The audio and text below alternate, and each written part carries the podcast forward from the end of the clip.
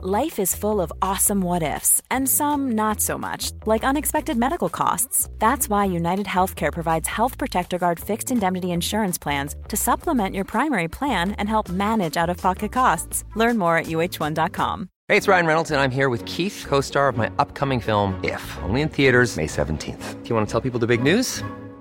All right, I'll do it. Sign up now and you'll get unlimited for $15 a month and six months of Paramount Plus Essential Plan on us. Mintmobile.com slash switch. Upfront payment of $45 equivalent to $15 per month. Unlimited over 40 gigabytes per month. Face lower speeds. Videos at 480p. Active Mint customers by 531.24 get six months of Paramount Plus Essential Plan. Auto renews after six months. Offer ends May 31st, 2024. Separate Paramount Plus registration required. Terms and conditions apply if rated PG. Even when we're on a budget, we still deserve nice things. Quince is a place to scoop up stunning high-end goods for 50 to 80% less than similar brands. They have buttery soft cashmere sweaters starting at $50, luxurious Italian leather bags, and so much more. Plus, Quince only works with factories that use safe, ethical, and responsible manufacturing. Get the high-end goods you'll love without the high price tag with Quince. Go to quince.com slash style for free shipping and 365-day returns. Det som er veldig gøy denne uka, er at uh, vi fikk en telefon fra en som hadde veldig lyst til å komme som gjest, og det tenker jeg at det er ikke ofte det skjer. Jo. Nei, det er det ikke ofte At skjer. folk vil være gjest? Eh, Ja, ikke ringer og sier 'kan jeg være gjest'? Nei. Men det gjorde dagens gjest. Hun, Ja. hun ringte på Kav bergensk lurte på om vi kunne smette en liten plass til henne i eh, dagens pod. Ja, Vi har jo spurt tidligere, og så er det av ulike årsaker har ikke det gått til øden. Men eh, denne uka så ville selveste statsminister Erna Solberg være gjest, og det syns jeg er stas. altså. Det er veldig stas. Fordi du ranta jo litt på at ikke vi hadde fått napp der eh, før. Nei, Jeg bare sa at når Arbeiderpartiet har sendt to stykker, så heller jeg mot å stemme på Arbeiderpartiet. Men hva med i dag? Nei, nå er, det, nå er jeg mer nøytral. Ok, Men du har tatt på deg Erna-genser i dag. Ja, det mm, føler jeg måtte gjøre for å få han til å ønske seg velkommen. Og da, da både Hadia og Jonas kom, så hadde jeg jo rød kaffekopp til de. Ja, Så du liker jo Og det er sånn du er. Du liker å please folk. Det er sånn jeg er. Mm. Utrolig uvane. Ja, Det har bare én uvane, det er at jeg er så forferdelig glad i å få andre til å føle seg bra. Ja, Men eh, det får du i hvert fall gjøre når eh, Erna kommer på besøk etterpå. Yippee!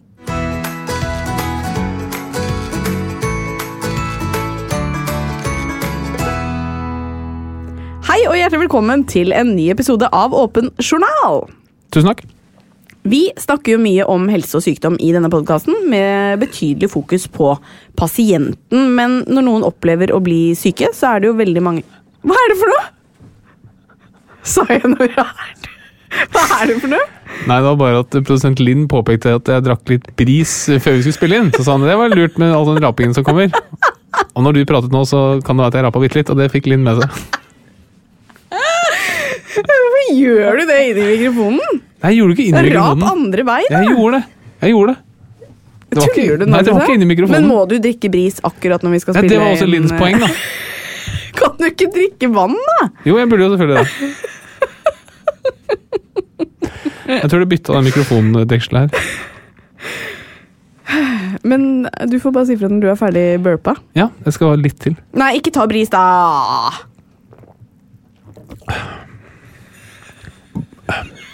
Da er jeg klar. Fy faen. Så ler du så godt. Du er så irriterende. Tusen takk. Er du ferdig? Eh, Janne er ferdig. Må jeg ønske på nytt velkommen, da, eller? Eh, nei. Nei. Jo, jeg gjør det. Så har jeg hele. Hei og velkommen til en ny episode av Åpen journal. Tusen takk. Vi snakker veldig mye om helse og sykdom i denne podkasten, men da fokuserer vi jo mye på pasienten. Men når noen opplever å bli syke, så er det jo veldig mange flere liv som rammes. Og de fleste av oss er jo pårørende for noen vi kjenner, enten det er noen som er kronisk syke, akutt syke, rusavhengige eller psykisk syke. Dagens tema det er derfor pårørende. Og statsminister Erna Solberg hun er dagens gjest, og Høyre har jo faktisk en egen pårørendestrategi. de. Ja, Ja, så dette er et tema hun eh, kan noe om både ut fra jobben, men jeg vet også at hun har vært pårørende for både sin mor og sin mann. Det skal vi snakke med henne om. Kult. Yes!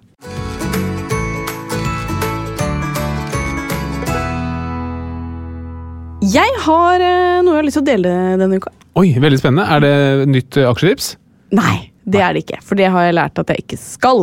Men jeg har hatt et kult uh, kurs på studiet. Ja. som jeg tenkte jeg skulle fortelle litt om. Og så er det sånn at um, vi har uh, et par ganger i løpet av studieforløpet så har vi klinisk kommunikasjonskurs. Spennende. Hvor du skal bli flinkere på å snakke med pasienten. Og nå tenker du som hører på at det hørtes jo kanskje litt kjedelig ut. Men nei da! Det er det ikke. For dette gjør de på en eh, meget eh, underholdende måte, vil jeg si. da. Eh, Jeg kan ikke si så mye om hva som skjedde innpå selve kurset, fordi det er jo taushetsbelagt. Ja. Nå tenkte jeg at det var kjedelig. ja, det skjønner Nei, men det som er litt viktig er at Når vi er en gruppe som underviser sånn, så må vi jo kunne gjøre, prøve og feile, og så må man ikke mm, føle på at kanskje noen forteller det til noen andre etterpå. da. Nei, men Du kan si hva som skjedde. Jeg kan si hvordan kurset foregår. jeg skal holde meg innenfor taushetsplikten.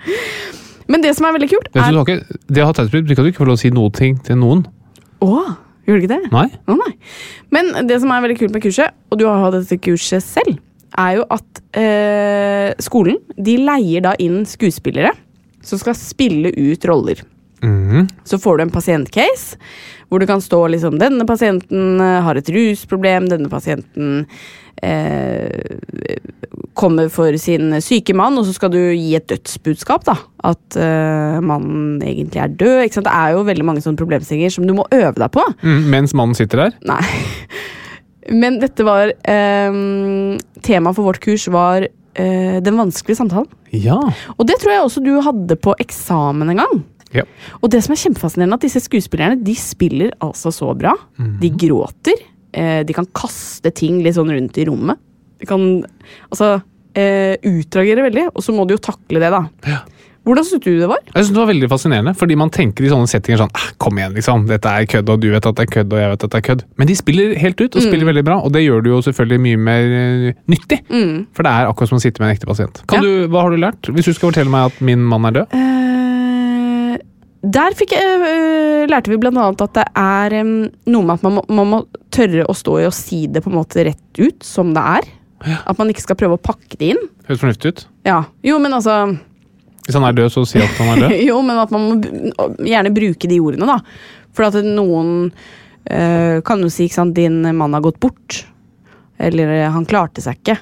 Det er litt sånn diffust. Ja. Men man må liksom eh, Han er død. Han er dau. Ja, altså Du kan jo si 'han klarte seg ikke', og så vil de kanskje si hva? Og så må du si 'ja, din mann er faktisk dessverre død'. Ja. Det er veldig vanskelig å si. Det er veldig vanskelig. Um, det, altså, det er veldig, veldig spennende. Dette brenner jeg for, kjenner jeg. Bra. Ja. Noe mer du har lyst til å dele? Eh, nei, det var ukas eh, katta på benken. Skolebenken der, altså. Ja. Jeg sitter aldri på benken i sport, for der er jeg ekstremt god. Der er du god. Ja. Noe du har lyst til å dele som er like spennende som min uke? Eh, ja, siste nytt fra medisinen. Eh, men det er gjort en studie som ser på hva, hva som skjer med pasienter som blir lagt inn på hjerteavdelingen med f.eks. hjerteinfarkt, når det er store hjertemedisinske kongresser. Så da har liksom alle hjertelegene dratt sin vei. da. Ah, Så du kommer på et sykehus med hjerteinfarkt, og så er hjertelegene borte. Lever de, altså Har de større eller lavere sjanse for å overleve når hjertelegen er borte?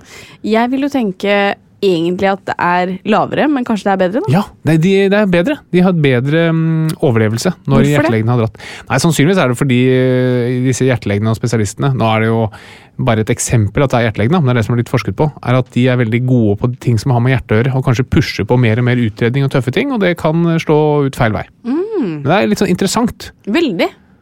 Så hvis det er en hjertekongress i byen du bor i, det er tiden å få hjerteinfarkt på. Ja, men jeg har ikke planer om å få noe hjerteinfarkt med det første. Det er jeg veldig glad for. Ja. Fjerteinfarkt, det hadde du faktisk her på forleden. Jo. Nei. Men det jeg er veldig nysgjerrig på, er jo hvilken lyd du har som minner deg om meg denne uka. Ja. Det er jeg også spent på, og den kommer her. Hvorfor facetimer du meg nå? Det er lyden. Av FaceTime? Ja. Denne lyden her. Ja, men Jeg trenger ikke gjette på hva det er. Det er lyden av FaceTime. Ja, det er det. Og hvorfor er det lyden? Fordi vi facetimer hverandre veldig mye. Jeg var i bryllup i Røros i helgen. Ja. Eller på Røros. Ja. Um, og da var jeg alene, for du og Bernhard var hjemme. Og da facetimet du meg. ja. Hvor mange ganger facetimet du meg på de 48 timene jeg var borte? Det vet jeg ikke. Vil du gjette? Mm. Og dette er utenom vanlige telefonsamtaler. Dette er da videotelefonsamtaler. Fire. 14. Nei, Nei, nei, nei, nei, nei. 14 FaceTime-oppringninger. Men var det jeg bare, eller ringte du meg noen Nei, det kan godt ha vært jeg også som ringte deg noen ganger. ja. Nå skal jeg søren meg se, for hvis du legger dette på meg Ja. mm, vi ser. Vi har facet mye, Jørgen. Altså. ja. Den pilen der, hva betyr Ja. den? Det betyr utgående. Utgående? Ja. Der er FaceTime 1, så har du FaceTime med meg 1, så der er vi 0. Eller 1 igjen. Så har jeg FaceTime med deg. Jeg med deg. Jeg med deg. Ja, men det er ganske mye du FaceTime med meg òg, altså. Absolutt, jeg er glad i å prate med deg, men du er ekstra glad i å prate med meg. Men eh, det var eh, Tenk det. 14 ganger. Ja. Og under 48 timer. Hva har du å si til ditt forsvar? At jeg er veldig glad i deg. Nei, men det var jo for å vise Bernhard, da. Her og der, ikke sant. Nå bader han, og sitter han der, og Ja. Nei, men Jeg takker for eh, god og fyldig oppdatering gjennom hele bryllupshelgen. Ja, og flere skal det bli.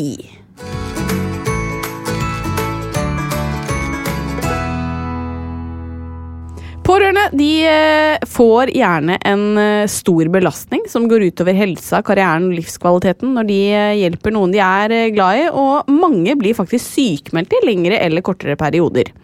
Og øh, jeg har tatt en titt på ulike mm, studier denne uka. Har du? Ja, jeg har det. Og øh, det var en studie der som viste at over 3000 pårørende var med, og av de så oppga hele 74 at omsorgen de gir andre, påvirker helsa deres negativt. Det er ganske mange. Ja, det er mange. Ja. Men hvem er det som regnes som pårørende da, Harald? Nei, Pårørende betyr jo egentlig bare de nærmeste. Og det, det kan man egentlig velge helt selv. Det trenger ikke å være familie, f.eks. Noen ganger så tenker man at det er en sånn hel automatikk da, i hvem som er de pårørende. Eh, men hvis du ikke oppgir pårørende, altså hvis ikke du har et aktivt forhold til hvem som er de pårørende, da kan man anta at det er den du bor sammen med, eller om det er myndige barn eller foreldre. da. Men i liksom den menneskelige forstanden så betyr jo det å være nærmest noen eller være pårørende at du er den som stiller opp for en person, hvis og når det trengs. Og I helsevesenet så har man egne rettigheter som pårørende. F.eks. at man har rettigheter til å få viss, eh, en viss type informasjon om helsetilstanden til en pasient. Mm. Ja, og det kommer vi litt tilbake til hvor taushetsplikten kommer inn der. Men, men det følger jo med veldig mye ansvar for de som er pårørende. Hva er deres viktigste rolle? Det varierer veldig fra situasjon til situasjon. Hva er liksom oppgaven til en som står noen andre nærmest? Stort sett så er det jo bare å være en som støtter deg, og som kan bidra til at du får hjelp med store eller små problemer når de dukker opp. Så har du i andre enden av skalaen hvor man er pårørende til en pasient som ikke er i stand til å ivareta egne interesser overhodet. F.eks. hvis du er alvorlig skadet i en ulykke eller blitt dement. Da må man som pårørende faktisk ta avgjørelser på vegne av eh, pasienten. Og Det kan jo i eh, noen tilfeller også være prosess som går over mange år, og kan være ekstremt slitsomt. Men øhm, jeg har jo opplevd å være pårørende for både mamma og pappa, som begge har hatt øh, sin runde med kreft. Og jeg har jo merket at øh, i familien og øh, ja, med deg altså vi, vi Uh, reagerer jo veldig forskjellig når man er pårørende. Altså Noen blir sinte, noen blir lei seg. uh, noen vil være mye til stede, andre ikke. Uh, hva er liksom de vanligste reaksjonene til pårørende? Når man er pårørende til pasienter med alvorlig sykdom, så oppleves det for veldig mange som ekstremt krevende. Og det handler jo særlig om at man selv blir veldig redd og lei seg som pårørende, men så vil man gjerne ta seg sammen for å være en støtte for pasienten. Og Følelsene pasienten har, de speiles jo ofte i den pårørende. Så når pasienten er veldig trist og lei seg, så er det lett at også de pårørende blir det. Og det å skulle klare å håndtere andres følelser i tillegg til sine egne, det er ganske vanskelig. Og så er det jo ofte sånn at man prioriterer pasienten, altså den man er pårørende til, prioriterer man, det trumfer alt sammen. Um, og det gjør det hele ekstra slitsomt når man er pårørende. Eh, men man har jo også en viktig rolle i form av at Um, man kanskje i noen konsultasjoner med lege, hvor man er til stede sammen med den man er eh, pårørende for, da, uh, så kan man uh, få med seg mer informasjon enn pasienten selv. Ikke sant? Fordi pasienten har jo så mye å tenke på. Ja, det er helt riktig. Og når man får vanskelige beskjeder, så er det ganske ofte at man rett og slett kobler ut. da, Klarer ikke å prosessere informasjonen på god måte, og da klarer man ikke å ta et informert eh, valg. Og da er det jo fint å ha pårørende som kan være med å ta seg av den navigeringen. I tillegg så er det en del tilstander hvor man rett og slett ikke har kapasitet selv til å eh, be om hjelp, eller få eh, liksom, vite om sine egne rettigheter. Og i rus og psykiatri er veldig sånn klare eksempler på det, at man er såpass jeg vil ikke si oppslukt, men, du, men liksom den sykdommen du har, eller tilstanden du har, gjør at du har ikke noe kapasitet til å skrike om hjelp. da. Hvis du brekker et ben, eksempel, så er det mye lettere å si 'hei, kom og hjelp meg', men hvis du er eh, tungt rusavhengig eller har en alvorlig psykisk lidelse, så klarer du ikke det å rekke opp hånda og si at 'hei, her trenger jeg faktisk litt hjelp'. Nei, men så kommer jo dette med taushetsplikt eh, inn, da. Fordi helsepersonell de har jo taushetsplikt for alle opplysninger vedrørende en pasient, også overfor eh, pårørende. Altså, Hva sier regelverket her? Nei, altså Regelverket sier at du har ikke lov å dele noe helseopplysninger om en pasient til noen, egentlig. Så det vil si at du kan egentlig ikke si, hvis jeg spør deg som lege er eh, mamma innlagt, så kan ikke du si det. Nei, det er helt riktig. Og det samme er hvis politiet kommer og sier sånn Hei, er Annelise innlagt? Vi er på jakt etter henne og mistenker henne for å ha brutt seg inn på bitten på Høvik, f.eks. eh, så har jeg ikke lov å si det. Nei, ikke sant? Uh, men det gjør jo at uh, helsepersonell kan jo komme opp i litt sånn vanskelige situasjoner der taushetsplikten blir til hinder for uh, god kommunikasjon med pasienten. da. Fordi at eh, ehm, det kan jo være veldig krevende for pårørende å høre at pasienten ikke vil at de skal få informasjon. ikke sant? Hvordan kan man gå fram som lege for å skape en slags allianse mellom pårørende og pasient? da? Nei, det Man ofte gjør, man spør pasienten hvem er dine nærmeste pårørende, og så skriver man det inn i journalen, ehm, sånn at man vet som helsepersonell at når disse ringer, så har vi lov til å gi informasjon. Da. Men det er nødt til å være et eksplisitt samtykke. Men så er det også noen situasjoner hvor man kan anta at her er det ikke noen grunn til at pasienten ikke ønsker å snakke om det, og da snakker man også med pårørende om helsetilstanden til pasienten. Så er det noen tilstander kanskje er forbundet med ekstra skam eller sånt, som gjør at man da ikke at, eh, at eh, pasienten ikke ønsker at man skal dele informasjon med pårørende, og da er man selvsagt nødt til å respektere det som helsepersonell. Men jeg syns dette er litt forvirrende, fordi øh, i det ene øyeblikket så sier du at øh, taushetsplikten forteller oss at øh, hvis noen er innlagt, så kan du ikke fortelle det til pårørende, med mindre personen sier det er greit. Ja. Men så sier du samtidig at jo, men hvis man brekker et bein, og det er overveiende sannsynlig at dette ikke er noe farlig å si Altså, jeg er litt confused. Ok, ja, det skjønner jeg. Um, så for å være veldig konkret, da. Man har ikke lov å dele noen helseinformasjon med noen andre. Så hvis du er innlagt på et sykehus, uansett om du har brukket et bein, eller det er alvorlig psykiatri, eller du har abortert etter du har hatt uh, samleie med din elsker, så har ikke jeg som helsepersonell lov til å fortelle noe av dette her til noen uten at du har gitt samtykke til det. Yes. Sånn er reglene. Men så skjønner man jo etter hvert at her vil det være i pasientens interesse at man forteller pårørende om ting, og man kan anta at man får et samtykke. Altså Man kan anta at hadde jeg spurt, så hadde jeg fått et ja. Derfor så bare sier jeg det. Og der er det jo litt forskjellig hvis du har en eh, hvis du har en forelder som har, er innlagt på en ortopedisk avdeling fordi de har brukket et ben, så må man jo anta at de vil at sine barn skal få vite om dette her. Så Derfor så går man ikke alltid inn og spør om det er greit. da. Men hvis du har en ung pasient som er innlagt med en alvorlig psykiatrisk diagnose, så kan man anta at de vil at færrest mulig skal vite om det. Derfor så tør man ikke å si noe før man har gått og spurt pasienten. Så reglene er alltid like. Det er ikke noe forskjell i psykiatrien eller somatikken. Altså Det er ikke noe forskjell om det er psykiatrisk diagnose eller benbrudd, men man, man kan bruke skjønn. altså Man kan som helsepersonell anta hva pasienten kommer til å si. Men det kan jo tenkes at en gammel person er innlagt med et brukket ben, så sier man det til barna til den personen, og så viser det seg etterpå at den pasienten ikke vet at man skulle sagt det. Da har man gjort noe gærent. Men pårørende for barn har jo en helt eh, egen rolle, og de har jo krav på informasjon. Og der skiller man, under, ehm, skiller man mellom barn under 12, mellom 12 og 16, og mellom 16 og 18. Stemmer ikke det? Jo, altså under 12 år, så at når pasienten er under 12 år, så har foreldre rett til all informasjon. I alderen 12 til 16 år så kan man unnlate å si ting til foreldre hvis ungdommen ikke vil at det skal bli sagt til foreldre, og de har en grunn som man bør respektere. da. For Så- eksempel. Det kan være for eksempel p-piller. da. Så Hvis du er 15 år og går på p-piller, og så vil du ikke at mor og far skal vite det, for du syns det er flaut, så vil man som helsepersonell respektere det og ikke si noe. Eh, Over 16 år så har foreldre i utgangspunktet ikke rett til noe informasjon uten at eh, barnet aktivt samtykker til det, eller, eller ungdommen. da. Mm. bortsett fra hvis det er informasjon man trenger å vite for å kunne utøve foreldrejobben sin. for å si det litt enkelt. Så Hvis du for eksempel er 17 år og har en alvorlig psykiatrisk lidelse, eller er suicidal f.eks., da um, vil pårørende, ha, altså foreldrene, ha rett til informasjon om det. Det er mye skjønn her, da. Ikke sant? Fordi det er sånn, ja, men du må kunne vite det for å utøve foreldrerollen. Hva vil det si? Nei da, og det er det er vanskelig. En kreftdiagnose skulle man også tenke at bør ligge til grunn for at uh, foreldrene skal kunne utøve foreldrerollen sin. Absolutt, og så kan man spørre seg vil det være noen med, som er 16 år med kreft som ikke ønsker at foreldrene Ja, skal vite det. Det ville vært en veldig spesiell situasjon. og Da må man gjøre en vurdering. Skal man respektere det ønsket, eller skal man eh, Og prøve å snakke med Ja. både pasienter og Men folk er, altså, Det dukker alltid opp når du leser helserett, det dukker alltid opp mange sånne tenkte eksempler som ville vært vanskelig å forholde seg til, men Ja. de er det jo heldigvis veldig få av. Nei. Eh, men vi må jo snakke litt om hvordan de pårørende selv kan ta vare på seg selv opp i en vanskelig situasjon. Har du noen råd der? Jeg tror En viktig ting er å lage en oversikt over hva du har kontroll over, og hva du selv ikke har kontroll over. og Ofte så blir ting veldig overveldende, og man kan gjerne brenne seg ut, for du klarer ikke helt å sette grenser på hva er det jeg faktisk kan gjøre noe med, og hva er det jeg ikke kan gjøre noe med. Så er dette med tillit til behandler ekstremt viktig. altså Tillit til det helsepersonellet som tar vare på pasienten. Det finnes jo ganske mange historier med pårørende som tar med seg alvorlig syke pasienter rundt omkring i verden for, eksempel, for å finne behandling, selv om man i Norge har sagt at det ikke finnes noe behandling.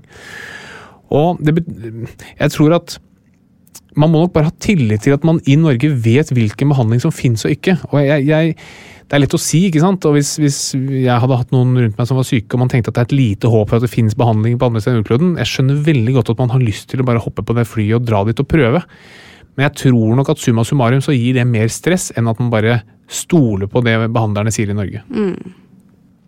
Men det å bli pårørende i et parforhold kan jo påvirke forholdet. Um, hva kan man gjøre for å prøve å ta vare på det oppi det hele, da? Nei, altså det er jo sånn gjerne at alt annet viker når du står i en sånn situasjon hvis partneren din får en alvorlig sykdom. Um, men som jeg har sagt før, hva er det en pasient alltid trenger? Jo, det er liksom de vanlige ting. Det er støtte og nærhet og kjærlighet og komplimenter og, og det å ha det morsomt. da. Så Hvis det er liksom ektefellen din, så bare husk at ok, dere er først og fremst ektefeller, og der skal det være litt kjærlighet og litt humor og litt komplimenter. Og husk at man man er jo som menneske og pasient mye mer enn bare sykdommen sin. Det er veldig lett at du får en merkelapp, og så er det alt du er. Du er bare den kreftdiagnosen eller sånn, men jeg syns man skal være litt mindre redde for å inkludere andre ting, som f.eks. humor og gå på en date eller litt sånne små romantiske ting. Um, men det er jo også krevende å uh, snakke med barn om sykdom. Har du noen råd der?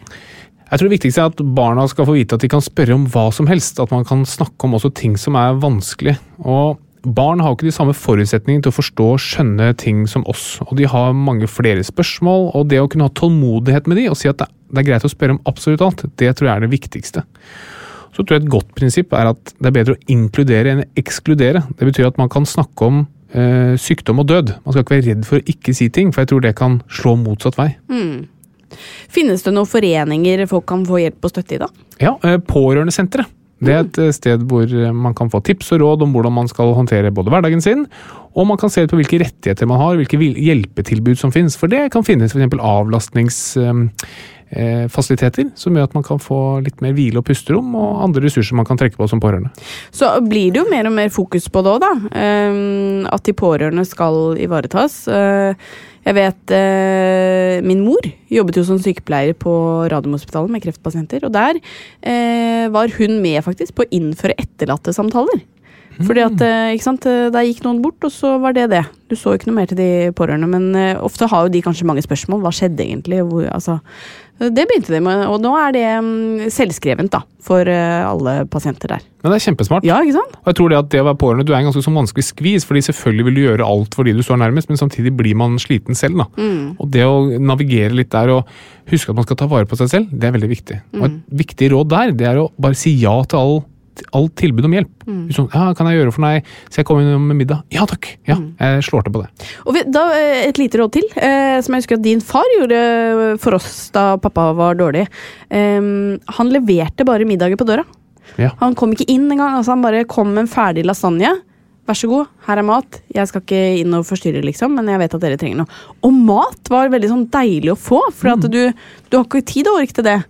Og det å bare bake noen boller eller sånn, det, det betyr veldig mye. Ja, Ja. Bare gjør det, ikke spørre. Ja. fordi det er veldig lett at man som spørre. pårørende bare sier 'nei da, det går fint', og Ikke bare sant? gjør det. Ja, Jans metode. ja. Så det er eh, noe man kan gjøre for de eh, som har det vanskelig.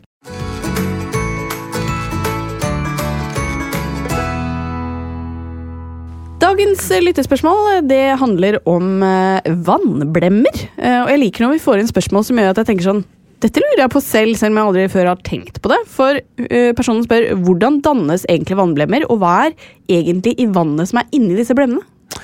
Ja, altså huden vår består av flere lag med celler som holder seg fast i hverandre. Du kan se for deg at du legger to lag med plastfolie, eller sånn Gladpack, oppå hverandre.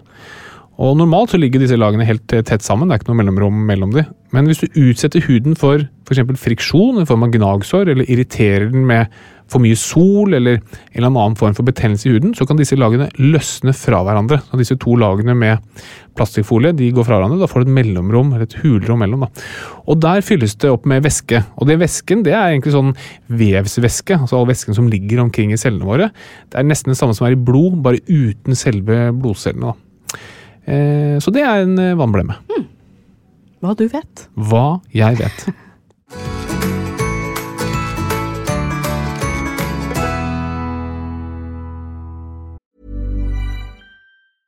Planning for your next trip? Elevate your travel style with Quince. Quince has all the jet setting essentials you'll want for your next getaway, like European linen, premium luggage options, buttery soft Italian leather bags, and so much more. And is all priced at 50 to 80% less than similar brands. Plus, Quince only works with factories that use safe and ethical manufacturing practices. Pack your bags with high-quality essentials you'll be wearing for vacations to come with Quince. Go to quince.com/pack for free shipping and 365-day returns. A lot can happen in three years, like a chatbot may be your new best friend. But what won't change? Needing health insurance. United Healthcare Tri Term Medical Plans, underwritten by Golden Rule Insurance Company, offer flexible, budget friendly coverage that lasts nearly three years in some states. Learn more at uh1.com. Hiring for your small business? If you're not looking for professionals on LinkedIn, you're looking in the wrong place. That's like looking for your car keys in a fish tank. LinkedIn helps you hire professionals you can't find anywhere else, even those who aren't actively searching for a new job but might be open to the perfect role. In a given month, over 70% of LinkedIn users don't even visit other leading job sites. So start looking in the right place. With LinkedIn, you can hire professionals like a professional. Post your free job on linkedin.com/people slash people today.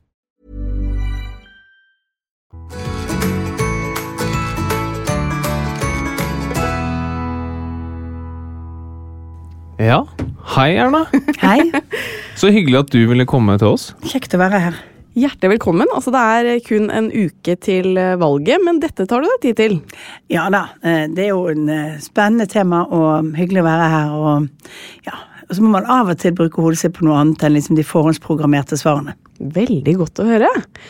Da ligger det jo an til en eh, god prat. Eh, Vi kan jo begynne med å høre hvordan du har det. Eh, Jeg har det ganske bra. Jeg skulle gjerne hatt litt bedre resultater på meningsmålingene, liksom litt, men jeg tror jo fortsatt at det kan gå bra 13.9. Men du, blir jo veldig giret inn i en sånn valgkamp. da, sånn Du står på og, og jobber hardt, og så legger du egentlig vekk liksom langtidsplaner. Jeg tror det Det ser jo ikke helt, det ser ikke veldig mørkt ut. Nei da, men eh, det, er, blir, eh, det blir tett og krevende, ja. Det gjør det. Men sånn, sånn skal det jo være. Sånn det er skal jo det være. Det er det velgerne, blir Man skal ha veldig respekt for at velgerne skal gjøre sine beslutninger. Og det er ganske mange velgere som gir sin endelige beslutning i slutten av helt siste uken, siste helgen, Ja. eh, for å, å gå og stemme og hva de skal stemme på. Mange stemmer jo på det de har stemt på før, men, men, eh, men det er liksom det å få mobilisert de ut, da. Ja, for vi har jo hatt eh, et par politikere her eh, denne høsten allerede. De har fått lov til å fortelle litt om eh, hvorfor folk skal stemme på dem. Så hvis nå folk er usikre, da, rett før valget, hva er den klare beskjeden for hvorfor de skal stemme på Høyre? Jeg tenker at Den viktigste grunnen til å stemme på Høyre er at hvis du er opptatt av at vi skal skape flere jobber i Norge, at vi skal få ned eh, klimautslippene og at vi skal inkludere flere i arbeidslivet, så må du ha et parti som ser helheten i dette, som har en god klimapolitikk og en god næringspolitikk og en god utdanningspolitikk, som bidrar til at eh, folk faktisk er kvalifisert for jobbene. Vi, og vi har jo utvidet vår utdanningspolitikk til å dreie seg om alle alle i alle aldre. Altså at det å kunne få ny, fersk eh, kompetanse, uansett om du er 25 eller om du er 45, det er like viktig. Vi hadde jo både, som du sa, Hadia Tajik og Jonas Gahr Støre. Um, så det var liksom deilig å få balansert det lite grann. Mm. Ser du for deg som en ekvivalent til de to? Altså de to tilsvarer en av deg? Ja, jeg skal ikke være så kjepphøy, ja, men, uh, eh, men det er en fordel i å ha vært statsminister. Eh, du, eh, du har jobbet med veldig mange ulike saksfelt. Mm. Så Den eneste minuset er akkurat når du går inn i valgkamp, så har du ikke jobbet så mye med hva de andre mener, som med hva eh, hva regjeringen selv mener. Og det, det fordi du ikke har vært så tett inne i alle debattene i Stortinget. Men jeg har jo masse spørsmål, selvfølgelig. Det er, jo, det er jo ikke så ofte jeg får sitte her med en statsminister. Og det, det kommer jeg spesielt to ting jeg er veldig interessert i. Det ene er eh, klima. Fordi jeg har kjent på litt eh, klimaangst etter den siste FN-rapporten kom. Og så selvfølgelig helse, da. Men før det så vil vi høre litt uh, mer om deg. Hva gjør du? Eh, sånn som nå har det jo vært helg når vi spiller inn dette her. Har du fått slappet av? Har du noen guilty pleasures? Er det noen serier du liker å se på? Hva gjør en statsminister? Ja, jeg har jo jobbet hele helgen, da, for å være helt ærlig. Men jeg, eh, jeg, jeg var på vennebesøk på lørdag kveld. Eh, Det, jeg tror jeg kom hjem klokken eh, ti på syv og reiste ti på halv åtte videre til, eh, til eh, bursdag. Gikk litt tidlig fra det selskapet og, eh, for å sove. Og så i går kveld så hadde jeg litt sånn fritid. Og hva gjør jeg? Jo, jeg, eh, jeg ryddet litt. Jeg eh, eh, så litt Ja, jeg så litt på TV. Jeg, jeg så meg opp på Stjernekamp. Altså sånn, litt sånn bare Og det var så fint jeg kunne spole. Så jeg slapp all praten. Jeg kunne bare høre sangene. Sant? Så, uh, um, de er veldig flinke for øvrig, de som deltar. Og så eh, Ja, og så holder du alltid litt på og leser på ting du skal gjøre. Jeg har vært sant, utspørring på NRK tidlig på morgenen, så må du liksom ha tenkt igjennom hva kommer av tema, og hvordan blir det ja, eh, ja, hva skal du svare? Men du rydder litt, fordi har ikke statsministeren folk til å gjøre sånt for seg? Nei, ikke å rydde tingene mine. Eh, Det vil jeg ikke at andre skal gjøre. Det er egentlig litt sånn angstforhold til at andre skal gjøre. Så du må jo rydde litt og sånn. Vi har, altså Statsministerboligen er det vaskehjelp som på en måte eh, tar sånn Vasker gulvene og ordner, men du må jo rydde tingene dine selv. sant? Ja. Ja. Altså det tenker jeg Når statsministeren gjør det, Harald, så er det litt rart at ikke du gjør det. Nei, jeg føler meg enda litt større, jeg nå. At uh, til og med hun må, men jeg slipper. Ja, er det sånn det er? Men eh, hvis du, hvis du skulle være sånn at du må flytte ut av statsministerboligen, er det sånn at du har liksom, legger du igjen noen feller og sånn i boligen til, hvis det er noen andre som skal flytte inn? Eller skriver litt uh, i, i taket på rommet at Erna var her og sånn? Eh, Jeg, jeg tror ikke jeg gjør det, og jeg er helt sikker på at de kommer til å male og pusse litt opp og litt sånne ting. De er flinke til å utnytte skiftet mellom, mellom ah. statsminister tror jeg, til å passe på at det blir litt De hadde et sånt oppussingsprosjekt på kjøkkenet som de ikke fikk gjort i sommer, for de var litt seint ute. og eh, eh, Så det, det har jeg en mistanke om at kommer etter. Så hvis jeg har skrevet noe der og da, da.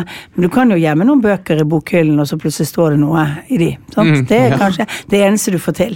Ja, og tenker du sånn i forbindelse med neste valg, at uh, se i bokhyllen der, og så, og så er det en, en veldig katastrofal avsløring, eller det kan være noe veldig guffent? Er det den typen du Nei, jeg tenker tror, på? ikke, jeg tror ikke så mye. Men det kan jo, kan jo være noen uh, hilsninger man kan skrive i en bok og la Mm. Se om de noen gang blir funnet. tror jeg lengst man kan komme. Men som vi skjønner da, så, så er jo du egentlig konstant på jobb, eh, og du har jo en jobb som du ikke kan ta deg fri fra, selv om du skulle bli syk, eller? Ja, altså Alle kan ta seg fri fra jobben sin. Altså det, det, det, det går. Men, men det er krevende som statsminister også fordi at eh, eh, Hvis du blir syk, så vil jo alltid nummer to i regjeringen fungere. Hvis du er i utlandet og du har møter i regjeringen, så vil jo nummer to lede de, Men du er fortsatt statsminister. Altså det er fortsatt du som, eh, som på en måte eh, beslutter eller, eller eh, leder eh, totalarbeidet. Men du må jo av og til praktisk overlate noe til andre. Men det som er fint, det er jo liksom at eh, når jeg har ferie og sånn, så har vi laget noen arbeidsordninger som gjør at jeg ikke konstant trenger å være på. Og, sånn. og hvis de er noe som virkelig brenner, så kan de sende en SMS. Men det er veldig godt organisert, egentlig, for at jeg ikke skal kontinuerlig måtte gå og se på eh, mobilen min, eller, eh, eller hele tiden ha hodet mitt i politiske saker. Vi har jo tidligere snakket om stress, Ja. og du må jo ha det som vel kan kvalifiseres som en veldig stressende jobb. Har du noen måter å koble av? Driver du med noe meditasjon? Øh, Ja, Noe som gjør at du klarer Nei, jeg bare slapper av. ja. Eh, eh, Nei, altså jeg lar meg ikke så veldig lett stresse. Eh, og jeg tror det, og jeg er flink til å legge vekk ting, det, altså legge bak meg ting som kunne vært gjort bedre. eller ting som du, det, det har jeg egentlig utviklet over mange år. At det, det Du må ikke gå og gnage på ting, og du må bare du må se fremover, ikke bakover. Eh, og det tror jeg hjelper mye. Og så stresser jeg ikke så veldig lett. da. Jeg pleier å si at hvis det er mye som må gjøres, så må man dele det opp og begynne på én oppgave og prioritere. Sover du godt om natta? Ja. Sover litt for lite, og det er bare fordi jeg er litt for dårlig til å gå og legge meg. Men, mm. Eller iallfall i forhold til at jeg må stå tidlig opp. Men jeg eh, sover godt om natten. Jeg eh, ja, legger hodet på hodeputen, og de aller fleste kveldene så sovner jeg med en gang. Men eh, før du kom i dag, Erna, så snakket vi litt om, eh, om det å være pårørende. Eh, Og det er jo eh, noe du også har vært, for de du er glad i. Eh, hva slags erfaring har du med det? Altså, eh, jeg har jo begge mine foreldre døde, og min far døde egentlig Ja, det er jo nå 30 år siden. Eh, Da, da hadde jeg egentlig ikke så mye. Han var på sykehus, eh, og, og jeg var ikke så tett på, men jeg var der når han døde. Og sånt. Så det, jeg pleier å si at det er en vond, men fin opplevelse å ha vært til stede akkurat i dødsøyeblikket til begge mine foreldre. Men, men med min mor, så, så hun døde i 2016, så var, jo, var det liksom en lengre sånn først ble hun blind, og så ble hun eh, eh, Så hun var fortsatt hjemme selv om hun var blind, og min nevø og min søster, min søster pendla mellom Oslo og Bergen og bodde delvis i huset der og sånt, men akkurat når hun ble helt blind første runden, så, så var faktisk ingen av i huset sånn for å hjelpe til. Så da ble det en liten sånn dugnad rundt det. Um, og så har jeg sett norsk eldreomsorg på, eh, på godt, egentlig. Eh, samtidig så er det jo rart i noen sånne beslutninger hvor eh, min mor måtte amputere begge bena fordi et hjerte pumpet ikke nok. Og det er jo forferdelig smertefullt å ha veldig smerter eh, før. Og, og liksom også skulle fatte og bli informert som pårørende, hvor jeg, jeg sto på um, Norgesmesterskapet i entreprenørskap for ungdom. Det var for sånn fest og jubel og ungdom og sånt. Og jeg sto på bakrommet liksom på en sånn samtale med, mellom mine to søstre, meg og legen, for å bli informert om at det kunne ikke gå bra og sånn. Du føler noen paradokser i livet da. Når du, når det er oppi det. Så du føler jo litt at du ikke har god nok tid til å følge opp, selv om eh, Samtidig så tenker jeg at eh, det er eh, Altså, jeg opplevde eh, som sagt, eh, eldreomsorgen på ganske bra, bra nivå. Eh, det har fungert. Eh, og de var veldig åpne for at vi kunne være der mye.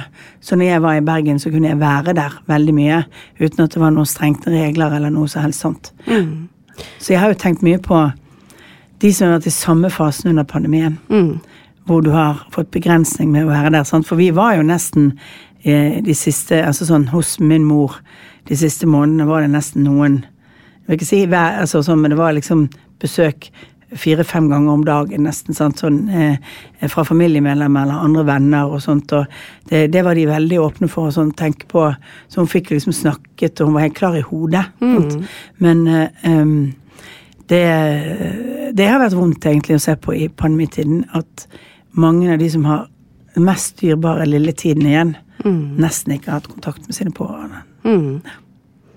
Ja, for det er jo noe av det viktigste en jobb, eller jobben for de pårørende er, er jo egentlig bare å være der. Og Ja. det har man jo ikke kunnet være nå. Nei. nei, sant? Å kunne snakke og, og få hodet til å fungere om andre ting. Og, ja. Eh, Så det har vært eh, det, det, det har vært en Kanskje Altså, vi har snakket mye om barn og unge, og ja, barn og unge har hatt det vanskelig, men jeg tror egentlig at det som gjør meg mest vondt, er de som har vært i sluttfasen. Og selv om man har åpnet for at man kan være der helt til sluttfasen, og sånn, sånn så er det jo det er kanskje noen måneder før det og hvor man vet det går mot slutten, at det er ikke så Og at man har fått for lite kontakt. Mm, ja, og Det er ikke noe tvil om at det har hatt enorme konsekvenser, denne pandemien. og Noen ganger så virker det kanskje som at folk tenker at man kunne kommet seg gjennom uten at det var noen konsekvenser noen vei. Det hadde jo ikke gått. Men det å mm. balansere litt mellom hvem som må ta konsekvensene, er jo sikkert ikke så fryktelig lett. Nei, og det er klart at uh, sykehjem det er, de, det er de mest sårbare personene vi har for å kunne dø av en, eh, av en infeksjon. Og det er jo der de fleste døds... Altså, eh, det er jo den aldersgruppen de fleste har dødd fordi de ikke har motstandskraft mot en alvorlig sykdom. Og det er en alvorlig, altså, sant, og, og det er jo det som blir veldig, veldig syke av covid-19. Eh, og du har ikke kommet Altså, vi har jo sett noen land som har tenkt at dette skulle gå helt greit, som har veldig mange dødsfall og veldig eh, og, og veldig mange med langtidssykdom etterpå. Mm. Er du fornøyd med hvordan eh, dere har håndtert pandemien? Jeg mener at sånn eh, i det store og hele, ja. Og så er det mange ting vi kunne gjort bedre. Og, så er det noe med Man forstår liksom tankegangen om at i det øyeblikket vi stengte ned Norge, så gjorde vi jo noe som våre planer ikke tilsa at vi skulle gjøre. Eh, og det var jo i og for seg det vi fikk kritikk av denne kommisjonen for at vi burde ha hatt planer som også hadde gått igjennom hva med nedstengning. Eh, Men det var jo egentlig advart mot. Altså Det var en faglig råd. Det var jo at du ikke skulle ha altså i en pandemi ikke skulle stenge ned, for kostnadene ville vært for store. Og det gjaldt hele Europa. Eh, og det er klart når du da velger en ny strategi, eh, en, alle er enige om at dette må vi gjøre, det ser ut som har virket i altså som f.eks. i Asia og noen av landene som har hatt begynnende pandemier tidligere, så vet vi jo aldri helt eh, hva, hva er virkningen av dette. Så viste det seg jo at dette var et bedre grep for økonomien òg enn det man hadde trodd på forhånd. Nemlig at eh, eh, For det koster mye hvis du har masse folk i karantene, masse mennesker som er syke, mange aktiviteter som ikke gjør det. At du hadde ryddig, at du fikk ned smitten fort, det, det, det ga også bedre økonomiske resultater. Og nå er jo Norge tilbake igjen på ja, vi har uh, høyere sysselsetting enn eh, uh, I antall personer i jobb i Norge så det har aldri vært så mange i jobb som det er nå. Vi har la, Ledigheten begynner å gå godt ned igjen, og vi har BNP, altså bruttonasjonalproduktet, tilbake til liksom de økonomiske tingene. Men det er klart på veien der så er det mye helse som ikke bare er å være ikke få covid-19. Mm. Det er mye psykisk helse, det er mange andre ting som er og så ser du jo at noen syns de hadde det bedre under pandemien. En del familier syns jo at de fikk tempoet sitt litt ned.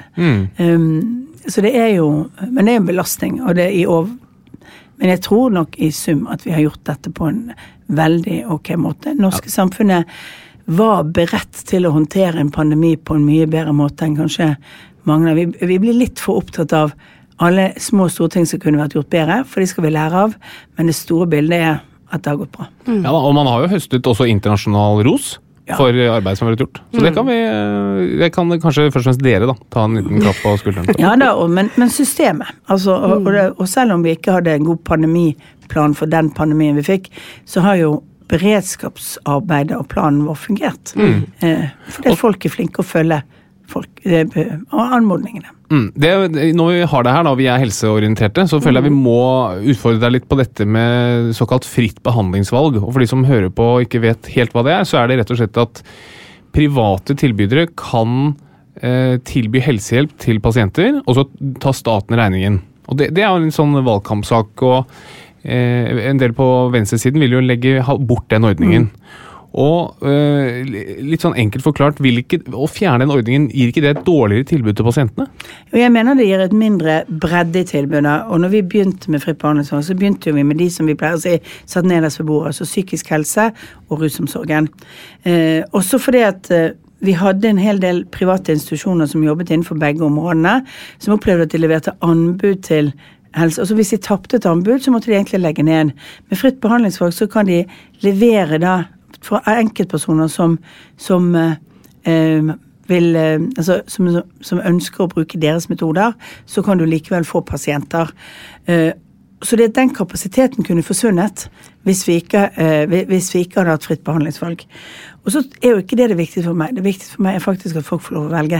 Ja, Det tror jeg er et veldig bra prinsipp. Du vet sikkert veldig mye, eller vet du mye som vi ikke vet, siden du er statsminister, om, om verdens tilstand? Eh, Jeg vet jo en del ting som ikke er allmennkjent for andre, ja. Kommer men, det til å gå bra? eh, Jeg, eh, hvis, vi, hvis vi jobber godt, vet du. Men tror du, tror du det går bra? Jeg, jeg har ikke noen informasjon som sier at, uh, mer om det at det går jeg, jeg tror det går bra. Jeg tror vi er flinke til å tilpasse oss eh, utfordringer. Jeg tror vi er flinke til å løse det. Men det er klart med klimautfordringer Er det den største? Hva er den største utfordringen?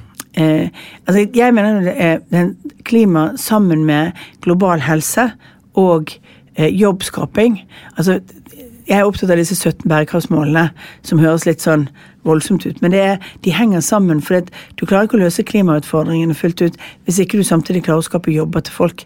For du vet jo at du får ulovlig hogst, du får masse ting rundt omkring i verden, eh, svart økonomi og sånn, hvis ikke det skapes nok jobber, som også går på miljøets eh, altså, som, som river ned miljøet.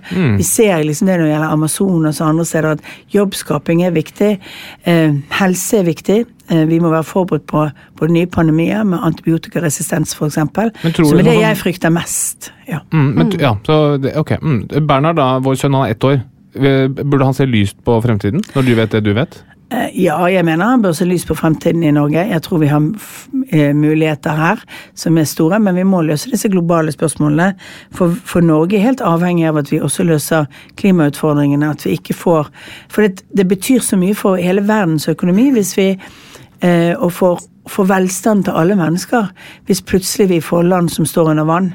Hvis vi får store flyktningstrømmer, altså hvis vi får mer krise og konflikt, eh, hvis ikke vi klarer å løse disse felles utfordringene våre. Apropos, apropos krise og konflikt, vi vet jo at du har forberedt deg veldig godt til dagens quiz. quiz. Ja. Eh, gleder du deg til den? Alltid litt spent på quizer. Ja. Du gleder deg, Katarina. Jeg gleder meg veldig. Er du klar for at vi kjører quiz? Ja, jeg tenkte jeg skulle bare stille to siste spørsmål. Um, for før vi går til quiz, så vil jeg gjerne høre hva er det beste du gjør for å ta vare på helsa di? Um, det er av og til å bare gjøre ting som er helt um, Altså bare kutte ut liksom, Jeg kunne alltid jobbet litt mer. altså, alle jenter har jo det genet at du kan alltid sitte litt lenger og gjøre litt mer. Og jeg har etter hvert lært meg at jeg må bare kutte ut og få slappet av og være med andre venner. Så gå tur. Eh, slappe, eh, slappe av med venner. Eh, få frisk luft. Det er liksom de tingene som er, er kanskje det aller viktigste du gjør. Mm. Er det noe du har dårlig samvittighet for, som du tenker sånn, «Åh, det er ikke bra for helsa mi? Eh, ja, det, jeg jobber jo for mye. Eh, det er sikkert i det lange løpet ikke. Samtidig tror jeg det er bra for min mentale helse. Det er fint og, og fantastisk i politikken å få lov å jobbe med masse unge mennesker med nye ideer og alt sånt. Det eh, må ta inn over liksom at du er privilegert når du får lov å jobbe med så flinke folk, og så ja, få så mye impulser. Ikke sant? Så komme hit til uh, Åpen Snakk om journal. dere også. Snakker du om oss, Ja. Det var godt å høre. Det er veldig godt å høre. Da gleder jeg meg veldig til quiz. Hvis jeg klarer å slå statsministeren, da er det håp. Vi kjører quiz. Og med oss i dag har vi statsminister Erna Solberg, god dag. Ja, hei. Og stud med Katarina Flatland Doble, god dag. Yes, hei. Vi starter eh, relativt Jeg vil ikke si enkelt middels. Jeg starter med deg, eh, Solberg. En pårørende det er jo en som hjelper eller pleier en nærstående med sykdom. Hvor mange nordmenn er pårørende? Um, jeg ville jo ansa at det er sikkert en million. Katarina? Ja, opp mot. Jeg tror eh, tallet er rundt 800 000. Ja, 1,5 millioner. Hæ? Ja, poeng til statsministeren. Nei! Ja, det, Da er kommer nyere tall. det kommer nyere tall hele tiden, for dette er jo oppdateres hele tiden. Men du kan ikke skylde på at du har lest noen gamle Nei, tall. nei. Eh, Erna hadde jo lest de nyere tallene. Ja, I hvert fall nyere enn deg. Ja. Eh, Erna, hvem får mest pårørendestøtte? Menn eller kvinner? det, jeg tror kanskje kvinner får mer omsorgslønn enn andre, men jeg er helt sikker på at menn får mer sykelønn. Ok, Katarina? Ja. ja, er det det vi snakker om, eller hvem som får mest omsorg? Ja, for så vidt. Hvem er det som eh, mottar mest pårørendestøtte fra de rundt seg? Ja, Det tror jeg er menn. Og så tror jeg det er flest kvinner som gir. Nei, det er kvinner som får mest. Nei, er det det? Ja, mm, Men det er flest kvinner som gir òg. Eh, det er det. Det er riktig. Men, men Men det er fordi får mest. kvinner ber også mer om det. Det er riktig. Dette er alt som dreier seg om psykisk helse og alt annet. Jenter og kvinner er flinkere til å snakke om problemer. Det er riktig. Neste, eh, da er det altså 2-0 til statsministeren. nei, nei, nei, nei. Eh, Neste spørsmål. Da starter med deg, Katarina. Hva forurenser mest av flytrafikk, shipping og helsevesen? Altså, Siden du spør, så Nei, det må være shipping. Flytrafikk. Helsevesenet forurenser mer enn shipping og flytrafikk til sammen. Er det mulig? Ja. Hvorfor det? Eh, nei, helsevesenet er jo ikke laget for å være spesielt Nei, det er sant. Men tenk litt på det. Ja. Erna, det er mye snakk om økte CO2-avgifter, og tarmgass inneholder jo mye CO2. Kan det bli aktuelt å innføre en avgift på fjert? Nei, men vi jobber jo på kyr med at de skal fjerte og rape mindre. Mm. Det er liksom avlsprogram i landbruket for at vi skal gjøre noe med CO2-utslippene i landbruket. Men ikke på mennesker. Men ikke på mennesker. Der er vi ikke kommet ennå. Katarina? Nei. Nei. Okay. Nei, er riktig. Eh, neste spørsmål. Erna, har man i tilstrekkelig grad utredet muligheten for å lage fornybar energi fra tarmvind? Eh, nei, det må være et underforsket område. Jeg tror vi må ha et nytt forskningsprogram på det. Ok, det er notert. Katarina? Ja, da, det, det er jeg også enig i. Du er enig i det? Ok, ja, Da er det fortsatt 2-0 til statsministeren. Ja, det skjønner jeg. Eh, vi fortsetter med deg, statsminister Erna Solberg. Hva synger artisten Carola i sin monsterhit fra 1991? Synger hun 'Jeg vil inte støtte havvind'? Eller synger hun 'Jeg har kissat på et pinnsvin'? Eller synger hun 'Jeg er fanget i en stormvind'? Jeg Eller, er fanget i en stormvind. eller 'Jeg vil stappes i et pølseskinn'? Nei, jeg er fanget av en stormvind. Ok, hva sier du? Flaten? Enig med Er statsministeren. Ja, det er riktig. Ja, det er eh, 3-1. Er det noen faglige spørsmål her eh, snart? Ja, absolutt. Ja. Erna Solberg, for å vise din støtte til fornybar energi, er du villig til å endre navnet ditt til Erna Solcelleberg? Eh, nei, jeg er glad i Solberg, jeg. Men altså, det, det må jo holde, det. Ja. Ok, Katarina? Ja, jeg, jeg syns jo det kunne vært gøy å høre det navnet, da, men eh, jeg skjønner jo at ikke hun vil det. Ok. Eh, neste spørsmål. Ehm, skal vi starte med deg, Katarina? Ja. Vi vet at rødt kjøtt er sterkt assosiert med økende forekomst av kreft. Mhm. Kan det være at det er samme sammenheng for partiet Rødt? Nei, det tror jeg ikke. Hva tror du, Erna? Nei, jeg tror ikke jeg skal tillegge mine politiske motstandere. Det er mye rart de holder på med, men ikke nødvendigvis mer kreftfarlig. Ikke tarmkreft? Nei vel. Det tror jeg også er riktig. Ja. Fortsatt 3-1. Siste spørsmål nå, da. Oi! Og da mm, skal vi eh, holde oss på det faglige. Ja. Eh, Erna, hvor mange prosent av pårørende har selv fått så store plager av å være pårørende at de har måttet oppsøke helsevesenet? Eh, det tror jeg må være 25% av de. 40 14 Nei. Poeng til Erna. Nei, nei, nei, nei, nei. 4-1 til Erna Er Solberg. Men det er sikkert mange som ikke har bedt om hjelp, som burde ha bedt om hjelp. Det tror jeg er riktig. Ja. Det tror jeg er riktig. Men jeg tror jeg bare sier at eh, en av de tingene jeg tror er ekstremt viktig, eh, unnskyld til profesjonstankegangene, men likemannsarbeid tror jeg er det viktigste i pårørendestøtte. Det å, være det å kunne møte folk med, eh, som har vært igjennom det samme. Eh, veldig mange av pasientorganisasjonene, Kreftforeningen, mange andre jobber med likemannsarbeid. Jeg mener jo det burde vært eh, oppvurdert. For det, å skjønne på at eh, du kan bli sint på en som er syk, at det er lov å være frustrert, at det er lov å Altså alt det Lære litt mer fra folk som har vært gjennom det samme, fremfor å høre en som har liksom lært hvordan man skal snakke med pårørende, tror jeg er mer effektfullt. Ja, det høres riktig ut. Vi eh, vil jo gjerne ha et tips til vår sønn. Vi har en sønn som er ett år gammel, som vokser opp i, under ditt styre. I hvert fall fram til nå. Så får vi se. Eh, Vi samler opp tips og triks fra våre gjester her. Har du et tips til Bernhard? Noe du vil at vi skal lære han på vegne av deg? Uh, å være nysgjerrig. Vær nysgjerrig. Være nysgjerrig. Det tror jeg er det aller viktigste. At du skal eh, ikke ta ting for gitt, eller ikke ta selv det foreldrene sier for absolutte. Jeg kan kanskje vente litt lenger opp i alder med det, kanskje. Det er sånn, eh, Ja, men jeg, jeg tror jo det at det der å, å å lære folk litt kritisk sans med nysgjerrighet, det er kanskje det aller viktigste. Vi lever, i et, vi lever i en verden som blir full av både fake news og underlige ting. Verdisett i bånn, nysgjerrighet og kritisk sans, utrolig viktig. Tusen takk. Du skriver det ned? Jeg noterer det ned. Veldig bra. Vi må si tusen hjertelig takk for at du kom, for du skal rett videre reise rundt i Norge. Men eh, lykke til med valgkampen, Erna. Og takk, Takk skal for du at du ha. tok deg Veldig hyggelig å være her. Tusen takk for deg. Ha det! Plan B.